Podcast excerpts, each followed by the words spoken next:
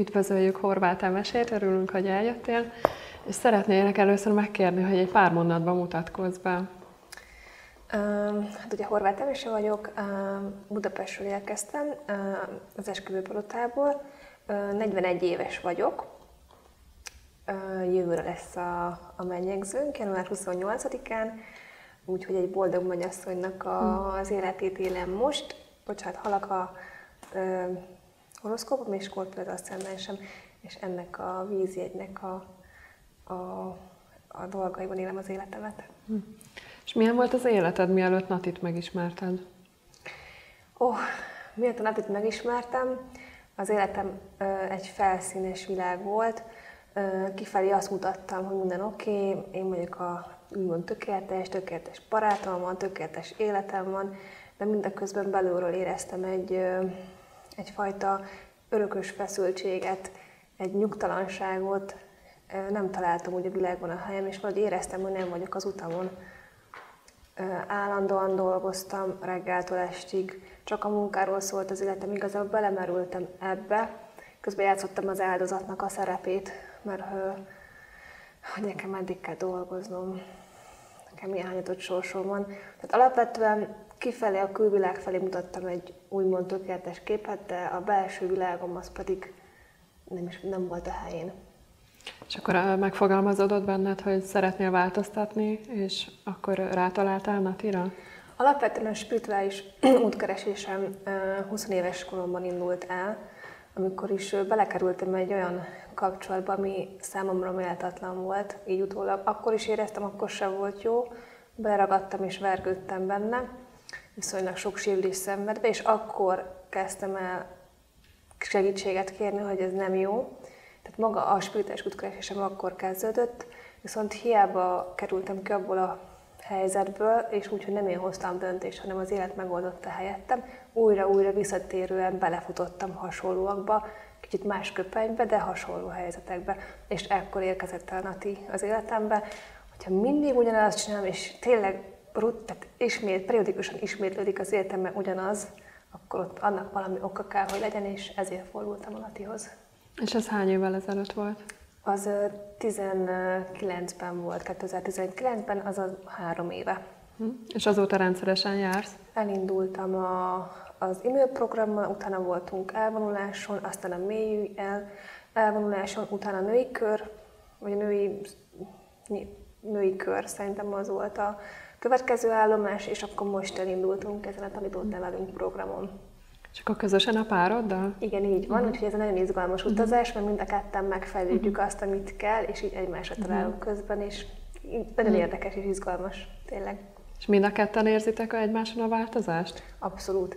Az én párom, ugye, ahogy mondtam is, hogy, hogy olyan felszínes, olyan kicsit a rideg kapcsolatban voltunk, és akkor ugye én hibáztattam őt, persze, ő a hibás, de alapvetően én is hibás vagyok, mindenki hibás, és amióta a Natihoz elkezdett járni, ő egyébként Korsit, azért fontosnak tartom ezeket, mert én hiszek a horoszkópban, persze, és ezért vannak olyan tulajdonságok, amik egyszerűen jellemzik az adott embert. És Attila, ugye ő a párom, ő a vőlegényem, akivel ugye január 28-án összeházasodunk, be volt burkolózva a saját világába, egy ilyen kőszikla volt, és nagyon-nagyon kevés ö, szeretetet adott nekem, és emiatt szenvedtem. És azóta megnyílt a világ, mm. megtalálta önmagát, mm. és azóta egészen más minőségű a kapcsolatunk. Tehát meg tudtak mindent beszélni, tehát kinyílt? Igen, igen, igen.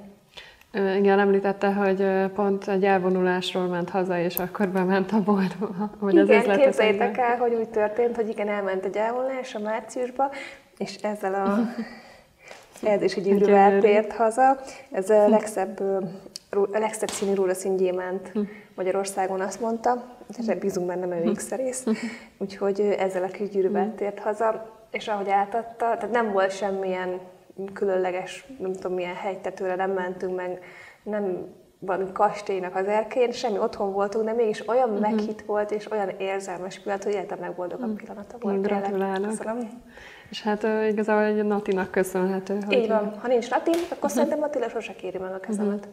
Pedig vágyakoztál rá, gondolom. Igen, ezért folyamatosan megalázottnak éreztem magamat, hogy benne voltam egy olyan hát most nem, ez nem non-stop, tehát, na, de hogy mondjuk együtt vagy egy férfival, és folyamatosan nem, tehát mondjuk mások megkérdezték, hogy és mikor lesz esküvő, gyerek, uh-huh. stb. és mindig kitért a válasz, és ez olyan, hát kicsit olyan megalázó volt számomra. Uh-huh. Hogy, hogy akkor nem is gondolja komolyan, akkor, akkor minek vagyunk együtt, de, de mégis együtt vagyunk. Szóval azért mondtam, uh-huh. hogy el voltam tévejedve, hogy biztos, hogy jó úton járok-e. De ez, hála Istennek, kitisztult. Uh-huh. Igen, azóta minden szépen Igen, alakul. alakul. Alakul, így van, fejlődünk szépen. És ugye azt szokták mondani, hogy a mesternek az a feladata, hogy meglássa és el is mondja azt, ami bennünk van, de mi nem akarjuk észrevenni. És, és ugye ez akár fájdalommal is jár, és kiveri a biztosítékot. Ez nálad hogy történt? Igen, Natira jellemző a kendőzetlen őszintesség, de mégis teljes tiszta szeretettel. Nekem is volt ilyen, hogy mi kiverte a biztos, biztosítékomat. Ez ugye az, hogy én tehetetlen, hát tehetetlen vagyok, hogy játszom az áldozat szerepét, hogy én egy úgymond, hogy is fogalmazzak szépen, lehet, hogy nem tudok szépen fogalmazni, de egy úgymond egy olcsó nőcske szerepét húztam magamra, akit úgymond letöltöttek az internetről, és hogy ezt, amikor így először meghaltam, hát, az, hát azért széthullott a világom. Viszont igaza volt. És főleg, ahogy most járom a tudatosság útját, minden a helyére került, hogy pontosan mi az, amit ismétlek, mi az, amit rosszul gondolok, mi az, ami rosszul van beidegződve, és ezt felismerem, most már tudatosan tudom máshogy élni az életemet. Ez elképesztő. Tényleg. Akkor ez nagy változás. Igen. Igen. A környezetetek is észreveszi a változást? Így van. Én például vezetőként kezdtem el most dolgozni, és ahogy beleállok a helyzetbe, mintha erre születtem volna, és addig még nem tudtam ezt elképzelni magamról, mert betettem magam egy skatujába, úgymond, addig nem tudtam azt képviselve végrehajtani a dolgokat, de most, ahogy tudom, hogy ki vagyok, tudom, hogy tudok, hm. most már megy. Úgyhogy észrevették a környezet is, a cégnél is, a otthon is, más a kapcsolatunk minősége, eljegyzésre, e, esküvőre készülünk, tehát sok minden hm. változik. Hm. És mit gondolsz még Natira, és ha felnézel rá, akkor miért nézel fel rá?